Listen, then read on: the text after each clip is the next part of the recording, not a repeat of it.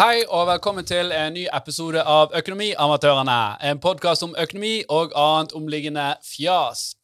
I dag skal vi snakke om forretningsmodeller og eh, ja, egentlig endring og disrupsjon innenfor uh, enkelte bransjer. Vi har med oss en veldig spennende gjest uh, som har skapt et uh, ganske utrolig selskap, egentlig. som både i Norge og utenlands. Det er faktisk en av gründerne av Cutters. Så han skal dere få bli bedre kjent med. Så dette blir en veldig bra episode, og vi håper at du følger med.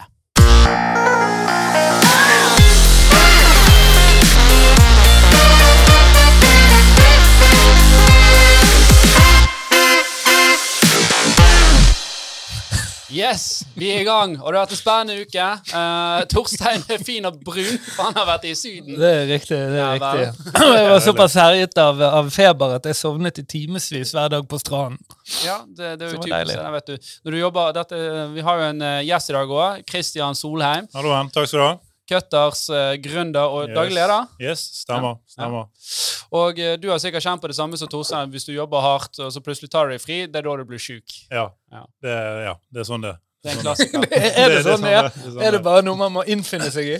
Jeg tror det er ganske vanlig. ja. Ok, ja. ja, ja. Men altså, det har vært en spennende uke på Horde-kontoret. Vi har fått uh, mye spørsmål om dette her Booster-prosjektet som Torstein har meg uti her på, på forrige pod. Så vi, vi, har lovet nå vi skal gjøre en egen episode på, på det uh, i neste uke. Og vi skal forklare dere litt mer hva, hva dette konseptet er. da. Og vi syns det er utrolig kult at mange syns at det der er kjempespennende. Men uh, i dag skal vi snakke om uh, Ja, vi skal snakke om mye forretningsplaner i dag òg, det er jo det booster òg, men, men, noe som er innenfor en annen bransje, uh, nemlig frisørfaget. Yes, ja. det er spennende. Ja. Så, så Christian, det er, jo, det er jo mange som har sikkert kjent, eller alle har vel kjennskap til Cutters i dag. Mm. Men sånn som jeg forsto det, så er dette da to karer med uten noe bakgrunn innenfor mm. frisørfaget. Mm. Så bare fant ut at uh, nå skal vi endre Nå skal vi snu opp ned på ting. Ja. Kan du fortelle oss litt sånn origin-storyen? Hvordan det begynte? Ja. Uh, altså, Som du sier, så ja, det er ingen av oss som kunne noe om frisørbransjen fra før av. Så Dere hadde hår, da? Vi hadde, vi hadde, hår, og vi hadde klippet oss hos frisør. Ja. Uh, det var egentlig det. Ja. Uh, men sånn Altså, for min egen del så Altså, ja, jeg, jeg, drev med helt andre ting før dette her, men gjennom noen tilfeldigheter så traff jeg uh, Andreas, som jeg etter hvert skulle starte Cutters med. da. Mm. Jeg traff han i uh, Roma. For det, når jeg var ferdig å studere, så flyttet jeg til Roma. igjen tilfeldig, men jeg jobbet som konsulent for FN innenfor mat og landbruk. Så de har et stort hovedkontor der. Uh, og parallelt så jobbet jeg også Konsulent ja. for FN ja. innen mat og, og ja. landbruk i, Rona, i, Roma. I Roma, Italia. ja. lander man okay. en sånn gig. så, der, så, der, havnet jeg. Uh, og så plutselig um, så Jeg hadde vel jobbet der um, et par måneder. Uh, og parallelt med dette jobbet jeg også gratis for en startup i Norge. Hvilken startup? De drev med De lagde nettsider for, for selskaper. Hvorfor lo du litt der? så, så jeg, jeg, drev basically og uh, cold-callet uh, nettsider som jeg syntes så stygge ut. Ja. Så kan... og, så, og, så, ringte de og sa på en fin måte at uh, denne kan vi lage bedre. Vi kan hjelpe dere med ja, dette. Dere, ja. Men jeg hadde ingen eierandeler, ingen lønn, ingenting. Jeg gjorde det kun for å få erfaring. Mm. Uh, for frem til dette tidspunktet så hadde jeg egentlig kun drevet med Jeg hadde heldigvis begynt å studere, men før det hadde jeg kun drevet med ishockey. Eh, så det var det som var greien min. Så jeg hadde ikke noe arbeidserfaring eller noe. Mm. Så jeg tenkte bare OK, nå, uh, nå gikk dette uh, Altså så Spilte du liksom på et høyt nivå da? Uh, jeg kunne gjort det kanskje, men jeg hadde veldig mye skader. Men ja. um, I Bergenshallen? Nei, jeg flyttet til Lillehammer da jeg var ja. 15 år. Okay. for å satse der borte. Så der bodde jeg i seks år. Mm. Um, men heldigvis begynte jeg å studere um, etter hvert. Eh, sånn at jeg hadde noe å falle tilbake på. Hva var det du studerte? Økonomi. Okay. Så jeg tok bacheloren min i Lillehammer tre år samtidig som jeg For det først tok jeg jo NTG, to toppidrettsgymnaset, mm. uh, borte i Lillehammer. Og så fortsatte jeg å spille der, og uh, var der i tre år til. Og så var det vel uh, på den tiden jeg fant ut at um, ja, altså når jeg var mer skadet enn skadefri, uh, så var det på tide å gjøre noe annet. Så jeg kom jeg hadde vært inn på NHH. Eh, og fikk tatt masteren der. Eh, så jeg hadde et par år Økonomi, det også. Ja, Ja. Så jeg hadde et par år i, i Bergen. Uh, men det var egentlig litt eneste naturlige vei var landbruk i Roma. Ja, det tenker jeg. Det er jo, du, du skjønner det. Ja, ja. Så, nei, men jeg var jo bare Jeg måtte jo bare finne ut hva For det, min, altså, min idé var å bli hockeyproff. Mm. Det var det jeg skulle gjøre fra jeg var liten kid. Uh, så når ikke det gikk lenger, så var det sånn identitetskrise. Da er det bare sånn ok, hva hva i all verden skal jeg gjøre nå? Kjenner liksom Jeg, jeg, har, jo liksom, jeg, har, jeg skulle bli rockemusiker. Ja, ja. Sant? Så var det det jeg skulle bli. Sant? Og datt litt inn i et økonomistudie sånn bakveis bare for å gjøre noe. ja. Og, og i dag så, så Hva skjedde da? Hvor- Nei, jeg- Hvorfor ble det ikke noe av det? Ehm, jeg, liker å si at jeg, jeg, eh, jeg var ikke kreativ nok gjerne til å være en skikkelig god musiker. Mm. Uh, og samtidig så studerte jeg finans og sånn, men jeg var ikke analytisk nok til å bli en skikkelig god finansmann. Nei. Men jeg er en jævlig kreativ finansmann. Ja, Eller i hvert fall for bankfolk, da, så Ja. jeg har jeg veldig mye kreativitet. ja, Så jeg tror liksom det der, eh, den blandingen da, med å kunne tenke litt utenfor boksen, men ikke så mye utenfor boksen at du, du er på en annen planet, da, eh, har vært liksom min, min fordel. da.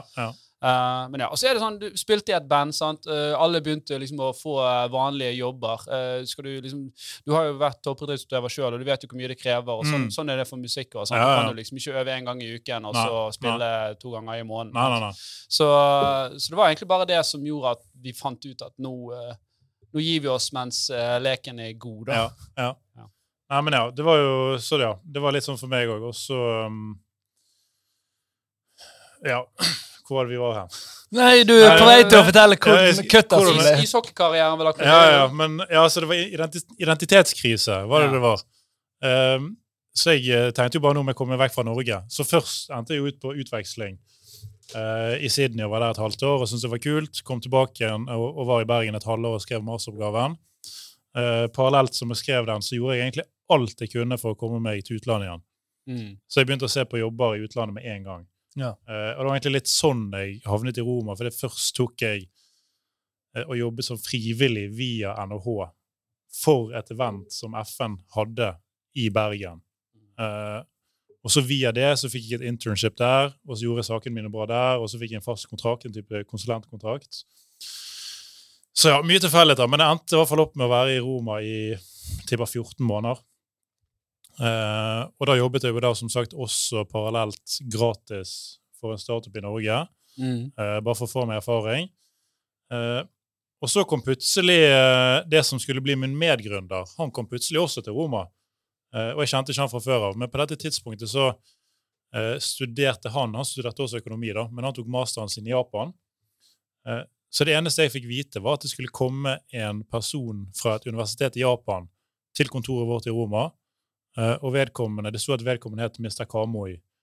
Eh, så jeg tenkte det var en asiater eh, som skulle komme. Og så plutselig var det en uh, nordmann fra Bergen. Kamøya. Ja, ja, så de hadde tatt vekk, de hadde tatt vekk Ø-en med, med O. Så, der, så da var han der. Uh, Og han hadde jo også tenkt mye på å starte ting sjøl. Mm.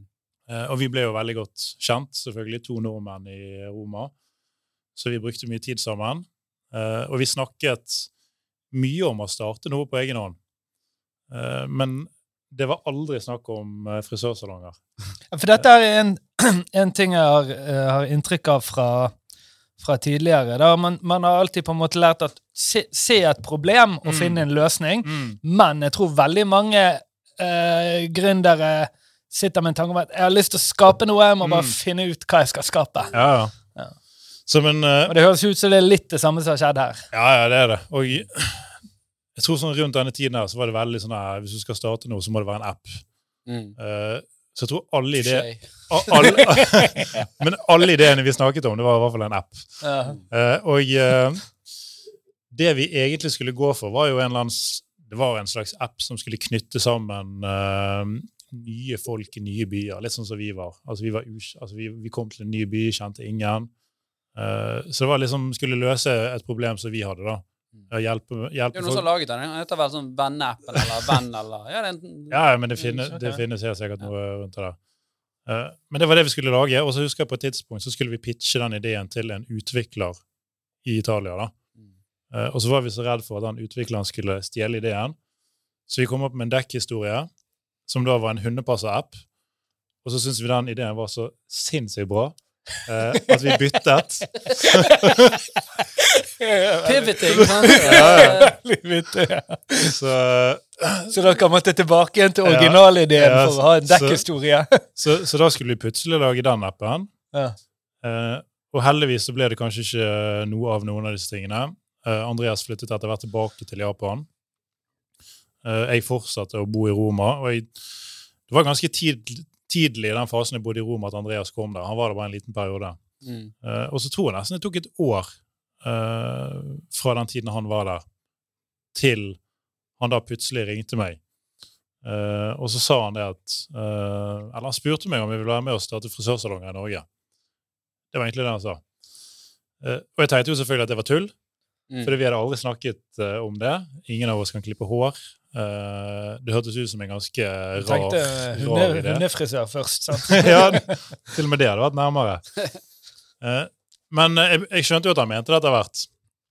Eh, og han begynte å snakke om dette på en uh, fredag. Så tenkte jeg bare over det gjennom helgen, og så mandag morgen gikk jeg inn på kontoret til min daværende sjef. Så sa jeg bare jeg sier opp jobben, jeg skal hjem til Norge for å åpne frisørsalonger. Ja, for- og, det, og da begynte de å le litt. Ja, for jeg må spørre, for han, han har jo vært i Japan, og, Ja. og det, det er vel et sånn, en inspirasjon fra et konsept? Ja, ja, det, det er noe som har skjedd her. Så, så han hadde kommet over et konsept som heter Cubi House. mm, Som er, det er et uh, japansk konsept som klipper på ti minutter, kun drop-in, eh, fast god pris. mm, Så det er jo det, det er ganske likt som Cutters. Så vi, uh, vi tok det beste fra de, og så kopierte vi de. mm, Så tanken var sånn OK, hvis dette funker i Japan, og de hadde også begynt å ekspandere til naboland, mm. Og det funket veldig bra. Så det var litt sånn, ok, hvis det funka så bra der, eh, hvorfor skal det ikke funke i Norge? Mm. Vi kunne heller ikke finne en eneste konkurrent som drev med det samme. Og hvis du begynte å se på markedet, så så jo markedet i Norge, og også for så vidt i Europa, det så ganske likt ut som det gjorde i Japan før Cubehouse begynte å starte. Så vi tok egentlig bare og kopierte noe som funket utrolig bra i et helt annet land. Og så prøvde man selvfølgelig å tilpasse det litt til den norske konsumenten. Og så var det egentlig bare ren kopi. For det kan man gjøre. Kubihaus står ikke på døren og sier 'vi vil ha vår del av Nei, altså Vi har til og med besøkt dem. Altså, Ja. De har jo uh, salonger også i, um, i Hongkong. Mm. Så vi var besøkte de i Hongkong. Og bare sånn 'Halloen, vi er inspirert av dere og begynte å gjøre samme greien.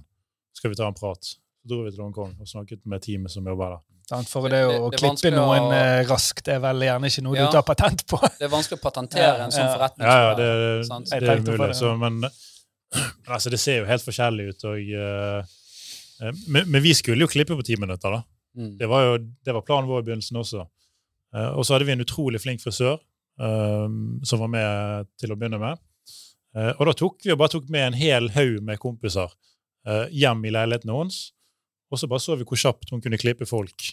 eh, og likevel sørge for at det blir en bra klipp, ha litt tid imellom kundene og alt dette her. Eh, og da merket vi ganske kjapt at ok, ti minutter det blir kanskje litt drøyt. Mm. Eh, men 15 minutter det funka faktisk ganske bra.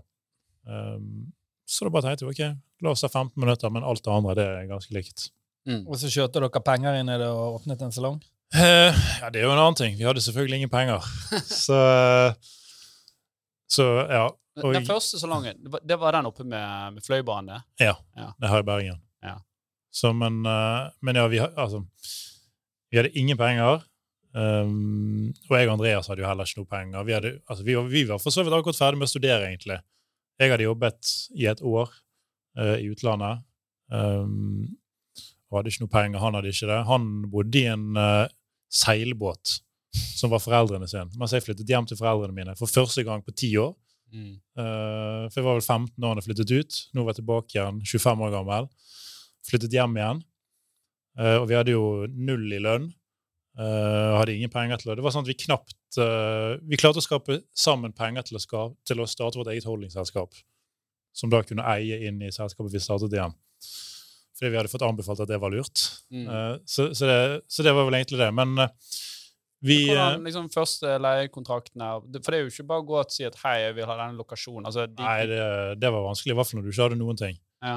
Uh, så man hadde å Altså, man hadde jo ingenting å komme med. Så det var Den lokasjonen vi startet med, det var den absolutt beste vi kunne få, ut ifra de forutsetningene vi hadde. Eh, men sånn som i dag, så er det ikke sikkert at man hadde åpnet en sånn type lokasjon. Altså rett og slett på bakgrunn av tilgjengelighet? Ja, og, ja egentlig lokasjon i seg sjøl. Ja. men for vår del er det litt sånn museum nå.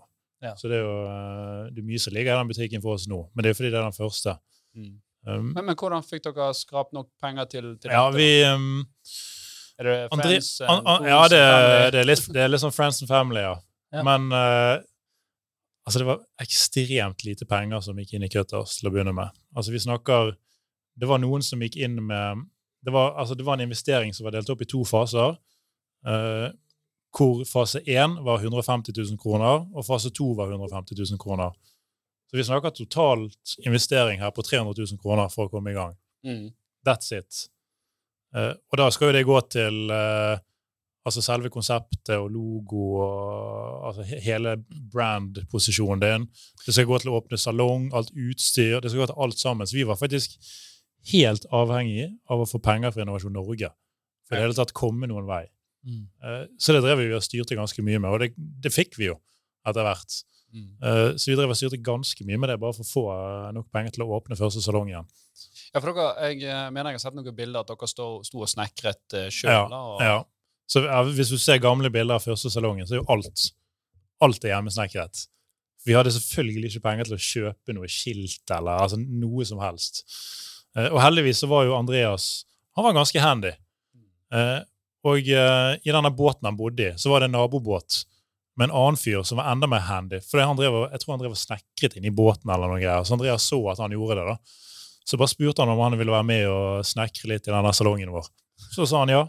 Så, så var han med å hjelpe ganske mye. Så, men uh, vi hadde sånne klippemoduler som vi begynte med. Sånne store kasser, egentlig. ja Så, så de ble jo bygget i kjelleren på den første salongen. Men uh, dette var jo også for så vidt uh, en egen forretningsidé som vi faktisk drev og vurderte helt seriøst før vi begynte å åpne salonger, nemlig å ha disse uh, kassene og bare reise rundt med de på altså, idrettsarrangementer, kontorer, festivaler osv. Og, og så bare klipper man folk der de er. Mm. Og det var, det var egentlig det vi fikk penger gjennom Norge til å gjøre også. For det, du får jo i utgangspunktet ikke penger til å gjøre noe helt likt som andre gjør. Altså Det må være, det må være noe nytt i det. da. Så, så ja, men de der, det jeg har blitt fortalt, er at jeg visste ikke hvor mye de der kassene veide den gangen. Jeg bare visste at det var utrolig tungt å bære det. Uh, men jeg har fortalt i etterkant at dere skulle bære de rundt? ja, ja, for det, det var jo fire deler, sant? så vi måtte, jo ta de, altså vi måtte jo ta de fra hverandre og slå de opp igjen hver gang vi flyttet på de. Så vi kjørte jo rundt med sånn diger bil og lesset de der uh, klippemodulene oppi der. Eh, og hver sånn klippemodul veide 250 kilo. Ja. Og så kan du tenke deg når du skal drive og bære de der opp og ned og trapper og det var Men hva med sånn som var blodbussen? Klippebussen? Ja. Oi, nytt konsept. Jeg hadde, jeg hadde kjøpt. Ja, ja. Vi, vi har faktisk en container nå som er ganske kul, som vi reiser litt rundt med. Ok, Vi var ja. akkurat på en uh, festival i, i Sverige nå, som er litt sånn samme som vi kan kjøre rundt med. Ja. Så, um, Ok, men, jeg, jeg, har, jeg har hørt et eh, rykte og forklart at i begynnelsen så var det jo Det, det er jo vanskelig å rekruttere folk òg til å jobbe. Ja eh, Sant? Og, og jeg har hørt et rykte om at uh, strategien her var da å få seg en Tinder-profil, ja, og så finne frisører på Tinder, Ja. matche med de, ja, og så var ballen i gang. ja, ja. Det, var ikke, det var ikke det som var strategien, men vi undersøkte alle muligheter du kunne undersøke. Så For å få billige frisører? Nei, for å få gode frisører. Ja. Jeg tror eh, jeg tror du også kunne altså, For jeg tror du kunne se tittelen uh, På Tinder tror du kunne se tittelen, eller altså arbeidsyrket du Mm. hadde, da. Så, så, så ja, hvis vi så at noen var frisør, så hadde vi en Tinder-profil hvor vi ja, tok ja, og så begynte vi å kontakte dem. da. Men det var bare én av veldig mange måter vi prøvde å få frisører på. Var det ditt eller partneren ditt sitt bilde som uh... Eh, nei, vi fant ut at vi skulle bruke mitt uh, bilde. Ja, men det, Så han- han var gøy, veldig på jeg det. trodde det der var urban legend. Men Ja, jeg det er gøy, det. ja, så, men ja, han, han Altså, Kremmerskapet, da. Ja, ja, det er kult. Det er Dere kult. kjenner sikkert til det. Du, du gjør jo Altså, man gjør alt man kan for å lykkes. Absolutt. Så det, ja, så det var bare én av tingene. Mm. Nei, det har vi kjent mange ganger. Det er mange finurlige løsninger vi har måttet finne på underveis her. Og Ja, ja. Når det gjelder mye rart. Men nå handler det om kutters.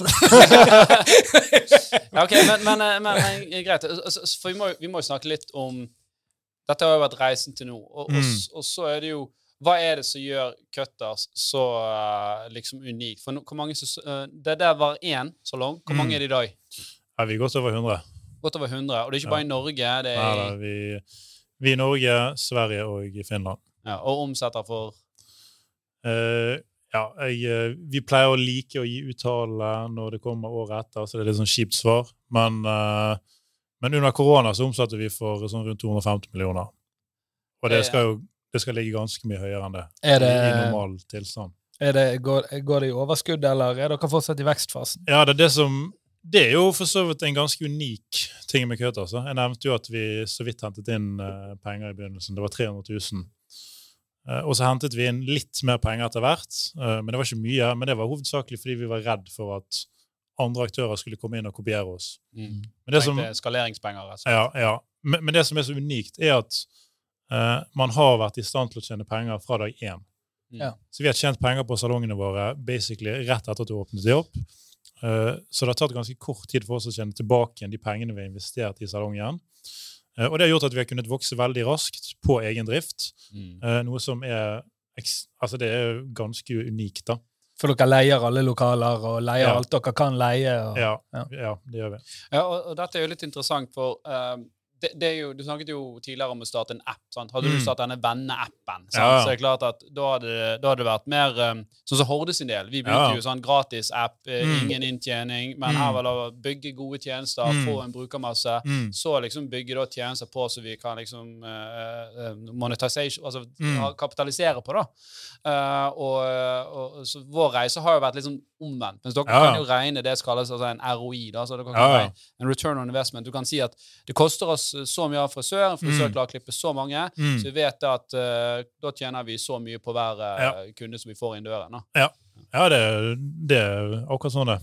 Men på hvilket tidspunkt er dere tenker For jeg vil jo tenke veldig mye av kundene deres ligger på en måte i brandingen. Her får du en rask klipp, ikke Mm. noe dilldall. Mm. Så på et eller annet tidspunkt må jo dere ha sagt ok, nå skal vi ut av Bergen, nå skal vi gå nasjonalt. Hvordan Mm. får vi reklame, eller hvordan får vi budsjett til å Mm. slippe å måtte, på en måte ha en inngang i alle byer? Ja, ja. Eller var det bare kom det av seg selv når Altså- dere var på Dagsnytt 18, og når alle begynte å klage? Og... Ja, men vi, altså vi tenkte jo bare at Først og fremst så tenkte vi at dette skulle være utrolig enkelt. Um, jeg tror kanskje mange tenker sånn, at du tenker det mye enklere enn det faktisk er. Uh, så vi var ganske naive uh, og tenkte altså vi, vi hadde Excel-ark foran oss, vi. Og så bare strakk man de ut i evigheten. Og så bare Shit, dette her ser bra ut. to milliarder i 2019. ja. ja, men det var, det var litt sånn. Og, og vi tenkte selvfølgelig kan vi gjøre dette her. Uh, så vi, vi åpnet første salongen i Bergen, men vi åpnet jo ganske kjapt uh, salong nummer to i Oslo. Mm. Uh, så vi var jo over i Oslo ganske kjapt, og så gikk vi inn i Stavanger, andre byer, også ganske kjapt. Ja. Dere har ikke brukt mye på marketing. nei. Så, men vi har brukt mye tid på det. Mm. Så personlig brukte jeg ekstremt mye tid på det i begynnelsen. Og, og, og da, når du sier brukt tid på det, så handler det om å få liksom, den uh, PR, rett og slett. da. Ja, jeg brukte ufattelig mye tid på uh, influensere og ren PR. Ja. Så det kostet ikke penger, men det kostet mye tid. Mm. Eh, så ja. Så For kom det, det, dette, er for, dette er jo fordelen med å ta en sånn posisjon, en utfordret posisjon. da. Mm. Eh, og For dere har jo hatt litt forskjellige ting. Men hva var liksom den første artikkel? Sånn, for Horde sin del så husker jeg det at um, Uh, DNB uh, vi, vi, vi lagde jo inn en funksjon hvor du enkelt kunne slette kredittkortene sine. Mm. Altså Vi brukte to sekunder på å lage den funksjonen. Det var helt Mm. naturlig for oss. Men plutselig så fikk jo DNB tusenvis av e-poster for folk som ville si opp kredittkortene sine. Og så begynte de å si at nei, nå er det ikke lov å si opp kredittkort på, på e-post lenger. Ja. Og så skrev vi jo dine penger om det. Sant? Ja, Og så fikk vi tror vi fikk nærmere 20 000 brukere Mm. den måneden. Ja. Sant? Så det var liksom vår første sånn Ja, ja. Hva var liksom Cutters sin første sånn gjennombruddssak? Sånn, uh, sånn ut i mediebildet så hadde vi jo Jeg prøvde jo å ringe alle journalister som fantes, uh, og bare skulle få dem til å skrive om alt mulig. Og så, det var noen få som sa ja, men de fleste sa nei. Uh, men jeg drev og ringte de hele tiden. Uh, men da var det sånne saker som ikke fikk noe sånn voldsom oppmerksomhet. Uh, men parallelt med dette her så hadde vi begynt å eh, Altså, det hadde begynt å bli en sånn liten beef mellom Cutters og den tradisjonelle frisørbransjen. Og det var Jeg husker ikke helt eksakt hvordan det begynte, men jeg tror Jeg tror det første som skjedde, var at altså, Vi var jo unge og naive, og litt, altså, vi hadde ingen sperrer. Så jeg tror vi skrev på nettsiden vår til å begynne med sånn det var altså I forbindelse med rekruttering da, så tror jeg vi skrev et eller annet sånn Er du lei av å jobbe i den tradisjonelle frisørbransjen med elendig lønn og dårlige sjefer og masse kjemikalier? Kom til Cutters, vi har det, det og det. Mye bedre. Eh, og sånn som jeg har forstått det, så tror jeg det var ganske irriterende. Eh, Det var litt den- sånn påstander som man kanskje ikke nødvendigvis Ja. kunne backe opp i alle tilfeller. da. Ja, og så tror jeg det var irriterende for den etablerte bransjen å lese det. Det kommer noen idioter og starter en frisørsalong, og så slenger de dritet om den etablerte bransjen. Mm. Så jeg tror der begynte de å bli litt... Som en utfordrer ofte gjør, da. Ja. Og, og det skal sies, eh, vi, har, vi, vi skulle bevisst være en utfordrer. Mm. Så vi hadde, vi hadde bestemt når vi skulle lage brand, at Cutter skulle være en utfordrer. Det skulle være en rebell. Eh, Så alt skulle på en måte henge sammen med det, selvfølgelig. Men, eh, men ja, jeg tror folk ble litt irritert av det. Og så husker jeg også at vi parallelt på denne tiden tenkte at vi skulle ha lærlinger. Noe som er helt vanlig i frisørbransjen. Alle, alle har egentlig lærlinger. Cutters har ikke det. Eh, Vi hadde en lærling i første salongen vår. Eh, Men på dette tidspunktet her så fikk vi et brev av det som da var president i Norges frisørvernforbund.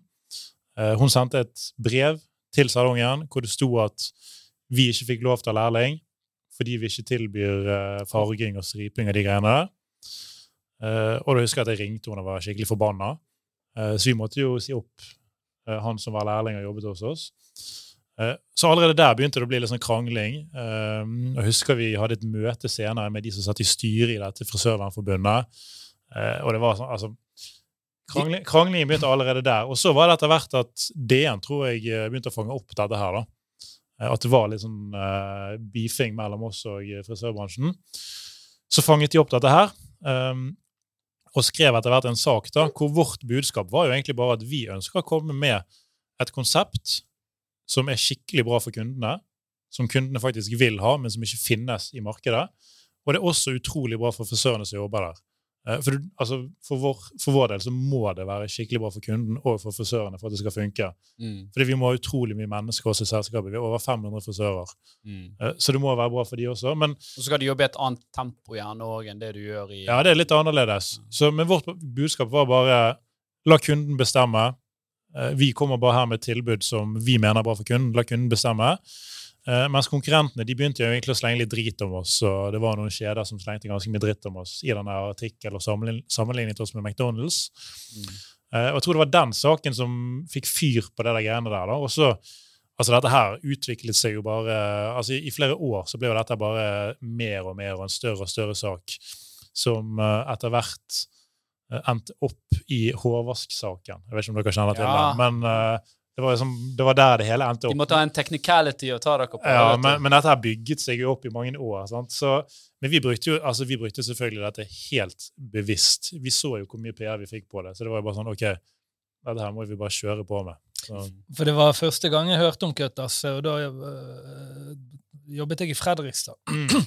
og da hørte jeg i form av denne saken hvor det var snakk om at dere ikke skulle få lærlinger, for dere Mm. tråkket på en måte på mm, eh, håndverket frisørfag, Ja. og dere ga de kundene ikke den opplevelsen som Mm. fulgte med ja. alt det det var å være hos frisør. sant? Ja.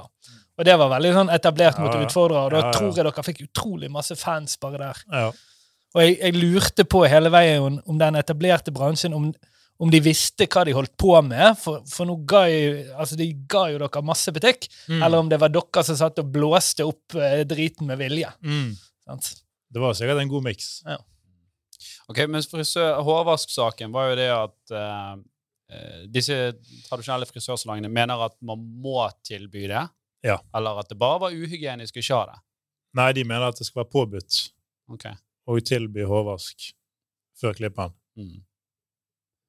Det har dere, dere har jo bare kuttet alt det der. Sånn, så dere Ja, er liksom, så det er jo- kjernen av produktet vårt? Det Så det var jo, ja, for det var jo Altså, vi hadde aldri startet en uh, tradisjonell frisørsalong. Det er jo så ekstremt mange av de. mm, Så det er jo det sånn Du har jo disse begrepene Blue Ocean Strategy.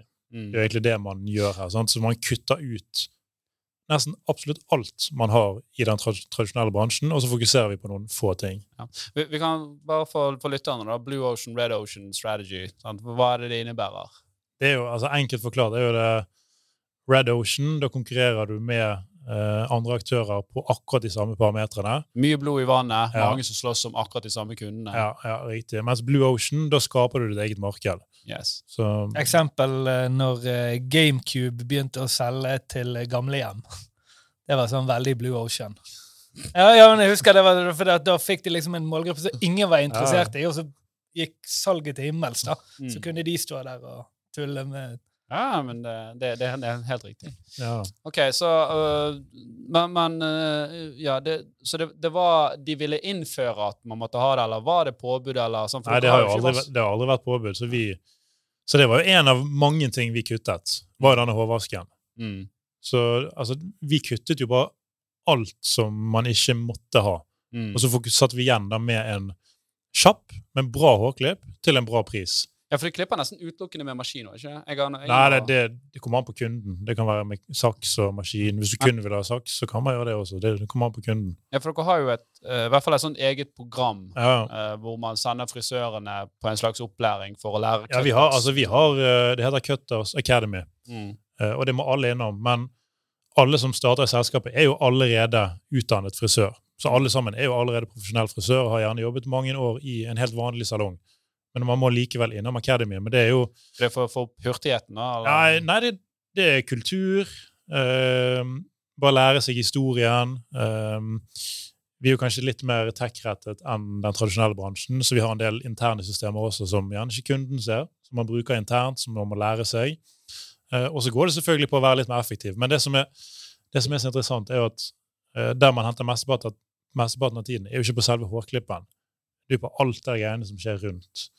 Altså det er jo Bare tenk hvor mye tid du bruker i en vanlig salong på å sitte deg ned, få kaffe, eh, sette deg bort i, eh, til hårvasken, du får vasket håret, så kan man tørke håret litt, og så setter man seg ned. så, altså Det er mye sånn Og dette er sikkert kjempekjekt hvis man er 60 år gammel pensjonist. Sant? For er det, liksom, det er noe å gjøre den dagen, det å klippe seg. Men er du i 30-årene og travel, Ja, men, så uh, men, men jeg tror du altså Det er jo marked for begge deler, sant? Ja. Eh, så det, begge det er jo ikke mange eh, altså Jeg har jo vært fast kunde her nå i Cutters i Mm. noen år, og det, det er jo ikke mange pensjonister jeg ser der inne. da. Altså Det er jo som regel Nei, det er jo De fleste kundene våre er nok uh, yngre, men uh, litt avhengig av hvor vi er. så kan Vi har noen steder hvor det er en god del eldre også. Hva hva er liksom mann-kvinner-ratioen her? da? Ehm, det var jo også en stor overraskelse. Vi, ehm, vi trodde at det var et rent herrekonsept når vi startet det. Eh, men så fant vi ut når vi drev og reiste rundt med disse boksene våre, at det var jo helt feil. Eh, så på den tiden var det faktisk mye flere kvinner enn menn.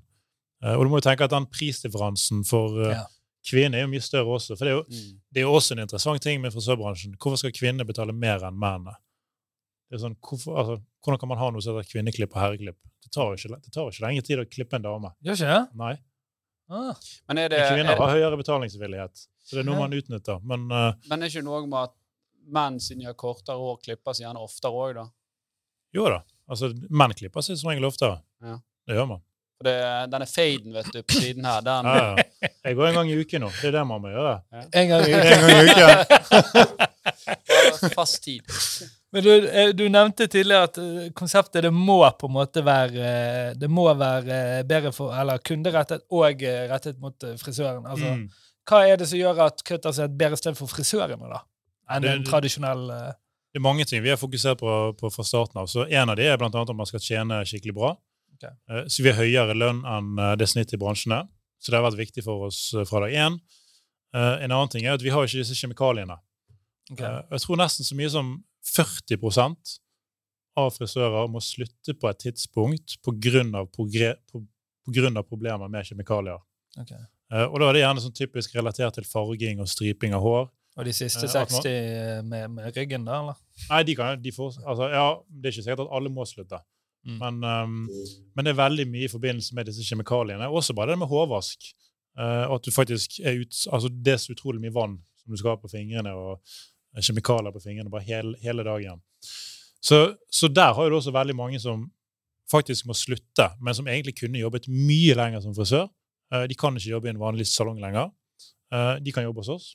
Eh, så det er en annen ting. Og så er det jeg tror folk synes det også er kult å jobbe i et selskap som vokser fort. Det er utrolig mange bra muligheter, spesielt når det vokser fort. Mye bra karrieremuligheter. Du kan jobbe i Norge, i utlandet osv. Så, videre. så det, det, er på en måte noe vi har vært ekstremt bevisst på fra dag én. For vi, vi, vet jo at vi må ha utrolig mye flinke folk for at dette skal funke. Mm. Det jeg syns var kult, er at um, vi har jo en felles bekjent. Uh, Bård Strøm har vært med faktisk i en av de tidligere episodene i podkasten. Uh, og han sitter jo i styret i, i Horde, er mm. Og, og, si, og Cutters liksom frisørselskap ansetter en chief digital officer. Mm. Altså det, det, er liksom, det, er en statement i seg sjøl å si mm. at vi, vi, har, vi, vi, driver ikke sånn tradisjonelt. og jeg snakker jo litt, og Han forteller litt om dette her, om hvordan dere bruker liksom data for å liksom optimalisere driften. Mm. Finne liksom hvilke frisører som skal hvor, hvor tid, og hvor mange som ja. skal jobbe. og sånt, og det er klart at Her er det mye marginer å ta på hvis du klarer å, å lage det der sømløst. Både for forbrukere, men også for frisørene. Sant? Ja, absolutt. Han var jo han var en av de første vi fikk inn i ledelsen. Det var en av de første uh, rollene vi tok inn i selskapet, i ledergruppen. Mm. For det, det har alltid vært en viktig del av Cutters. Fra dag én også det. Så det går, du er inne på det. det det. Kundeopplevelsen skal være så bra som overhodet mulig, eh, men også internt så skal man være så effektiv som overhodet mulig. Og så er det det med å kunne skalere kjappere og enklere og rimeligere. Mm. Så, så ja, vi bruker veldig mye tid på de ja. tingene. Ja, for dere har jo en egen app nå. og for jeg husker Før den appen kom, så var det litt sånn irriterende, for jeg måtte gå bort og se. Mm. Ah, nei, her var det én time Åh, faen, det ja. gidder jeg ikke. sant? Uh, ofte så gjorde jeg bare drop it et annet sted. da. Mm. Og så fikk dere appen. Da kunne jeg bare sette meg i kø, så så jeg liksom ja. Så det var Det tror jeg liksom hjelper på. Men dere, man kan fortsatt ikke bestille. Uh, nei, du kan bare legge deg inn i den virtuelle køen. Ja. Så, men, men du kan, aldri booke. Det er noe du kan, som, du kan, det en diskusjon. Du kan ikke booke frem i tid. Nei. Det kan du ikke. Men ja, selvfølgelig er det en diskusjon. Ja. Så, mm. det er, men effektivitet forsvinner veldig når du begynner med denne bookingen. Ja, det kan være en avveining. Så det er jo det er ting man må se på. Men selvfølgelig, altså vi diskuterer jo nye ting man kan gjøre hele tiden. Ok, Så, så okay, hårvasken var jo én sak. Og, og, så kom det en ny sak her som var gjerne, uh, gjerne litt mer innenfor vårt domene. Dette mm. med hvordan du håndterer betalinger og penger. Ja, ja. Sant? For det er jo ikke noe kassaapparat heller i disse butikkene. Nei, nei. Uh, og det er jo Mange tenker jo at uh, ja, men det må jo være, være OK. Uh, men det er jo faktisk uh, lovpålagt liksom, at man, hvis man driver butikk, at man må ta imot mm. det som er liksom, gyldige kontanter. Ja. Uh, der, ja. Men der har jo dere vært en, stått på deres. da. Så ja, kan fortelle Så, litt om den. Men det er jo det er jo todelt, for det er jo sånn Eller det passer ganske bra med brandet, for det kutter oss uh, en rebell. Mm. vi er ganske innovative. og så er det, det er en del lover og regler i dagens samfunn som uh, ja, Noen av de kan du forstå at det er blitt satt av en grunn, uh, men noen ganger er det noen som kanskje burde oppdateres. Uh, som ikke bare er til gode for cutters, men til gode for veldig mange andre også. Mm. og der har vi vært ganske bevisst på at sånn opp mot PR at man skal bruke cutters som en eksempelbedrift på ting som angår veldig mange flere. Det er ganske vanskelig å få PR på at uh, ok, nå har vi åpnet en ny salong. eller sånn, altså, mm. En lokalavis bryr seg kanskje om det, men VG eller DN gidder ikke skrive om det. Mm. Uh, så vi har jo helt bevisst knyttet oss på uh, større temaer og latt de bruke Kutter som en eksempelbedrift. da. typisk på sånne ting som dette her med kontanter. Men der har vi vært ganske tydelige på at det er ikke noe kundene våre vil ha. Så hvorfor skal vi da bruke mye penger og investeringer på å ta imot dette her. Ja, eh, for det du sier, det du kommer til der, er jo det som er viktig, for det koster jo en del ja, ja, av kontanter. Det, uh, både i apparat og kassesystem. Ja, ja. Og noen skal komme og hente, og Securitas og over det går. Sant? Worst case så må du sette opp prisen, og forbrukeren vil ikke ha økt pris for en uh, tjeneste de ikke etterspør. Mm. Så det er litt det. Så, men den, den saken er vel fremdeles Jeg tror den pågår fremdeles. Men mm. uh, nå når pandemien kom, så stoppet jo det ganske brått opp der. da. Plutselig skulle alle teppe. Ja.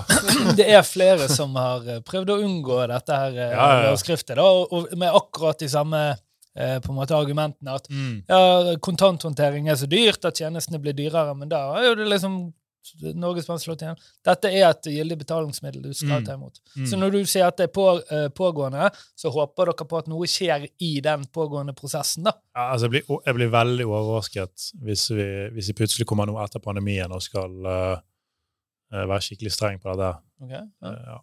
Ja. Har dere gjort noe sånt? gjør, når, når dere gjør noe sånt um, som klart er liksom i strid med i hvert fall nåværende regler eller, og lover, Mm.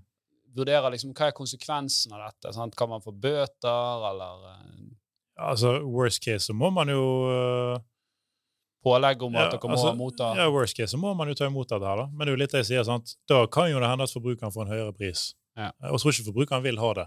Så derfor blir jeg veldig overrasket hvis det er noe man skulle innføre. Uh, men det er mange sånne caser vi har vært borti. Vi, altså, vi hadde en annen en, jeg tror det var Jeg husker ikke hvem som kom på besøk, men det var et eller annet relatert til skatteetaten. og vi hadde ikke, altså De skulle komme og sjekke om vi hadde timelister. Uh, fordi du er pålagt å kunne vise til timelister uh, i salongene dine. mm. Uh, og vi sa selvfølgelig ja, selvfølgelig. Se, her har vi de på iPaden. Vi kan sende det til deg på mail med en gang hvis du vil ha. Men de skulle ha det skriftlig. De skulle ha det printet ut på en printer og ha det på papir. der og da. Og så sa jeg bare det er jo helt Hva er fornuften i det? Ja, altså, det er jo helt det er tullete. Ja. Så de skulle ha altså de, de sa at vi skulle investere i printere og blekk og papir i alle salongene våre. og det vi gjorde da, altså vi gikk jo bare rett til avisen og bare sa vi sa hva som var greien, og så ble det en sak på det. eh, Og så bare fjernet de kravet etter det. Mm. Så det var jo enda et eksempel på ting som en gammel regel som gjerne ikke burde være der lenger. Eh, og så har vi på en måte gått imot den, og så har det gagnet mange andre bedrifter også. Jeg tror, jeg tror mange undervurderer det der å ta den rollen som dere tar. Mm. Um, for mange er så redd for å gjøre feil, og, og de er redd for de etablerte aktørene, at de skal Mm. være snill med de. Men det er jo sånn innovasjon skjer. Ja, ja. sant? Eh, Altså, vi skjønte det med en gang at når, altså når vi så at konkurrentene var så irritert over at vi åpnet salonger, altså, da vet du at du er inne på noe. mm. Uh, og vi jo, altså vi, vi studerte dette eh, japanske konseptet eh, ganske nøye, eh, og de opplevde jo litt det samme. Eh, så de møtte utrolig mye motstand fra den etablerte bransjen når de åpnet opp. Jeg, altså, jeg vet ikke om det stemmer, men jeg har til og med hørt historier hvor det har vært hærverk på salongene deres. Mm. Altså at folk fra etablerte eh, kjeder har knust vinduene og ødelagt fasadene deres. Eh, så vi tullet jo med at ja, ok, kanskje dette skal skje i Norge, og at folk bare klikker på oss og sånn. Eh, og så ble det ikke så gale, men det ble jo ganske kjapt litt det samme, at folk reagerte ganske kraftig på at vi kom inn i bransjen. da. Men det, for vår del var det bare et bevis på at eh, nå er vi inne på noe riktig. Dere har ikke liksom mottatt den mursteinen gjennom Nei, vi- eh, ruten med le- sånn Vi- Ikke så jeg vet om. Eh, OK, 100 salonger, eh, flere land. Eh, snakker vi børsnotering, eller? Vi er jo eh, Det var et par år siden, da, så fikk vi inn eh, private equity på eiersiden. Mm. Kan du forklare hva, for de lytterne, hva, hva vil det si, private equity? altså det er et profesjonelt oppkjøpsfond da, som, eh, som går inn og investerer i selskaper. Og så har de et mål om å ja, si de har en tidshorisont på tre til syv år. eh, og så skal de selge det videre til Mm. noen andre, og så skal de ha en god avkastning på det. Eller børsnoterende. Ja, ja, ja de kan også, gå, også ta det på børs. Så, så det ligger i kortene der at uh, Cutters skal jo videre til noen andre. Og om det er noen andre private equity-selskaper, noen internasjonale, enda større, om det er børs, om det er stor internasjonal industriell spiller altså Det kan være mye forskjellig. Mm. Uh, ja. Nå er dere, Hvilke land var det dere var igjen i nå? Norge, Sverige, Finland. Har dere uh, møtt konkurrenter? Altså, jeg tror Når noen gjør dette her i Norge, så er det noen svensker som ser med, men faen, da, det, det er akkurat sånn de snakker, Ja. faktisk. Vi kan kutte på 14 minutter! kutte på fjorden! Merker, har dere merket noe der? Eller går det som Overraskende lite. olje og møkk holdt jeg på å si, i alle land, eller? eh? Uh, merket overraskende lite til det, faktisk. Ja. Eh, men jeg tror det er et eller annet med mindset um, at når du Litt sånn som eksempel i Norge, da. Mm. Uh, hvis den etablerte bransjen går så kraftig imot uh, oss som konsept, Mm. så tror jeg det skal litt til for, før de tenker at ja, ok, men la oss gjøre det samme. Skal ha baller. Ja, og det er litt sånn, De går helt imot kulturen de har for sine egne frisører også. Mm. Eh, så, men, men det er overraskende lite, faktisk. Kan det ha noe med prisbildet å gjøre? Var det, Ja, altså, det når kan dere sier at liksom, det var Det kan likt marked Ja i Japan og nå? Ja, ok, så, så prisene i Norge var litt sånn uproporsjonal høy i forhold til Ja, ja, det er, det er kjempehøye priser for hårklipp i Norge. Mm. Det er ikke noe tvil om.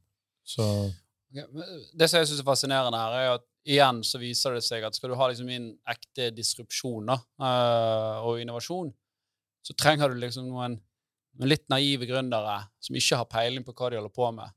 Det er altså Du trenger noe som kommer fra andre deler, andre bransjer. ja, jeg er utrolig glad for at jeg ikke visste hva vi gikk til. Ja, og da, Sånn har jeg sitter sånn i etterkant. du, du, du har jo ta, igjen, Hvis du tar igjen kanskje en av de mer eller verdenskjente, altså Elon Musk, da, som gikk inn i bilbransjen Mm. og, og, og så går inn i raketter. altså det Mm. du, du skal liksom være litt fremoverlent og, og tenke nytt, da. Mm. Uh, så det, nei, det er utrolig, utrolig kult, altså. Men uh, i dag kom, det er 500 um, frisører. Hva, ja. hva er overheaden, da? Altså, Hvem er det som jobber i administrasjonen her? Vi har jo Nå har man begynt å få litt folk der også, men det er jo typisk folk som eh, Det er jo mange som jobber med å følge opp frisørene, selvfølgelig. Mm. Sørge for at de har det bra. Sørge for at man leverer på konsept, at salongene ser freshe ut. eh, Alle disse tingene her. Og så har vi vært litt inne på det. Vi har noen som jobber på tech-delen. Og så er det noen som jobber med ekspansjon. Eh, Så det begynner jo selvfølgelig å bli litt folk der også. Mm. Eh, Men, eh, men den største delen for oss, og det vil det alltid være, det er selvfølgelig frisørene. Mm. Men måler dere, måler dere den prisen dere tar per klipp mot betalingsvilje eller imot tradisjonelle bransjen? Altså hva bestemmer hvor mye dere har lov å blåse opp administrasjonen? da? Ja, altså I forhold til pris så ønsker vi, altså som utgangspunkt ønsker vi at kundene skal få en så bra pris som overhodet mulig. Uh, men så er jo det vanskelig å ha altså, Det er vanskelig å ha en altfor lav også, uh, med mindre man begynner med en helt annen forretningsmodell og egentlig lever av andre ting. Det, det er ganske unikt at dere har vokst så fort uten å subsidiere kundeveksten. For Det er jo Mm. ofte det man ender med. Ja. Hvis du skal gjøre sånn blitzscaling, gå Mm. fra 1 til 100 salonger på noen år, så må du ha inn et P-selskap som sier her er, her er 200 millioner, start 100 salonger, Ja, ja. gi vekk klippen gratis, bare få den markedsposisjonen. Mm. Sant? Altså, dette er jo Amazon, for eksempel. Mm. eh, Gjør jo det fortsatt innenfor De, de tjener jo nesten ikke De tjener ikke penger Mm. på, på egentlig den selve plattformen. De tjener mye penger på eh, um, skytjenesten de leverer, men ellers kjører de alt marginer, for de skal liksom De har jo hva, er det, 80% av all uh, netthandel i Mm. USA er Amazon. Så de, de skal riste av seg eh, De skal bare aktører? dominere det totalt. Sant? Ja, sant. Og, og, men det er, ikke, det er ikke en uvant strategi både innenfor teknologi, men også gjerne i Ja. sånne fysiske butikker at noen kommer og bare tar markedet. Mm. Så finner man ut hvordan man tjener penger på uh, dette senere. Altså, Men, WeWork er jo et skrekkeksempel på dette. Ja. Men vi, vi så jo ganske tidlig at det var uh, utrolig bra product market fit.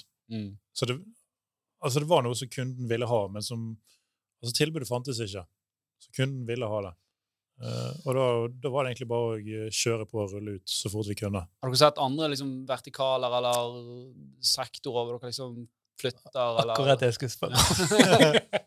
du, du, har, du, har gjort, du har jo en fantastisk læring her, sant? Mm. Eh, og, og du er jo, du er jo ung. Sant? Ja. Og, og det, nå, nå er det cutters, men det er ikke sikkert det blir cutters eh, for life. Mm. Men, Nei, det, det vet man aldri, men selvfølgelig eh, Man ser jo at det er mulig å gjøre tilsvarende andre steder. Og for Cutters en del er det kanskje noen ting som kan være nærliggende også, eh, å begynne å se på videre også. Men for vår del har det vært sånn at eh, Cutters i seg sjøl har også funket så utrolig bra. Eh, og man ser fremdeles veldig mange muligheter når det kommer til det konseptet som man har i dag også. Eh, blant annet med å bare rulle ut og åpne nye steder, som man fremdeles ikke er, men som vi er helt sikre på at det kommer til å funke. Eh, Så det er jo litt det der at man også ønsker å rulle videre på det som allerede funker. Eh, Men selvfølgelig, det er jo noe, det er noe man ser på om det andre vertikaler også. Og da går du inn og ser hvor er det eh, uproporsjonalt dyrt, eller drar du ut i verden og finner et, et, et spennende konsept som flyr? Det kan være begge deler. men Jeg trenger ikke å gå inn på det nå, men, men vi har selvfølgelig sett på andre nærliggende vertikaler som kunne vært interessante, og som det mest sannsynlig kunne vært marked for. Da. Utrolig spennende. ja. Eh, vi, har jo, eh, vi har jo masse unge eh, kremmere som, som lytter på oss. da. Eh, Det syns jeg er utrolig gøy. Det kommer veldig mye gode spørsmål. Mm. De som sitter med en sånn her Kanskje har vært i samme situasjon som deg. Sant? Mm. Ferdig utdannet, om det er økonomi eller andre ting. og så står man litt sånn Hva, hva faen skal jeg gjøre? Hva, Mm. liksom, hva er det beste rådet du kan gi til en ung gründer, eller en som drømmer å bli gründer i dag? da? Ja. Altså, det jeg så som var uh, ganske bra sånn timingmessig for min egen del, var jo at jeg hadde absolutt ingenting å tape på å starte noe på egen hånd. Mm. Altså, det var- jo, jeg, kunne, jeg kunne ikke se en eneste nedside. Mm. Altså, eneste nedsiden jeg kunne finne, var jo at jeg ikke hadde en fast lønn. Det var det, Men jeg hadde jo ingenting å tape. Altså, Jeg eide ingenting. Jeg hadde ingen familie eller noe. Altså, det var, det var ingenting jeg kunne tape. Det var, bare sånn, det var, det var kun oppside. Så det var, for meg var det bare sånn OK. Det, det er risk reward, rett og slett. sant? ja. Så det er tipset til fremtiden. Ikke skaff dere noen ting! Nei, men jeg bare tenker, hvis du, jeg bare tenker hvis, du, hvis du er ung, så du har jo ingenting å tape på. Bare teste det ut. Timing, sant? Ja, ja, og, for, for det du sier der, er veldig, veldig eh, veldig, veldig interessant, syns jeg. For det, det, det er jo en sånn skala. Sant? Mm. At jo mer du har jobbet, jo mer erfaring får du. Sant? Eh, Og det er mange sånne selskap, eller VC-er og P-fond som søker 40 år gamle gründere. Ja. Fordi de kan, de har liksom vært around the block. Da. Mm. Men det er klart at starte nå når du er 35, Mm. da har du plutselig to barn, og så har du huslån. Ja?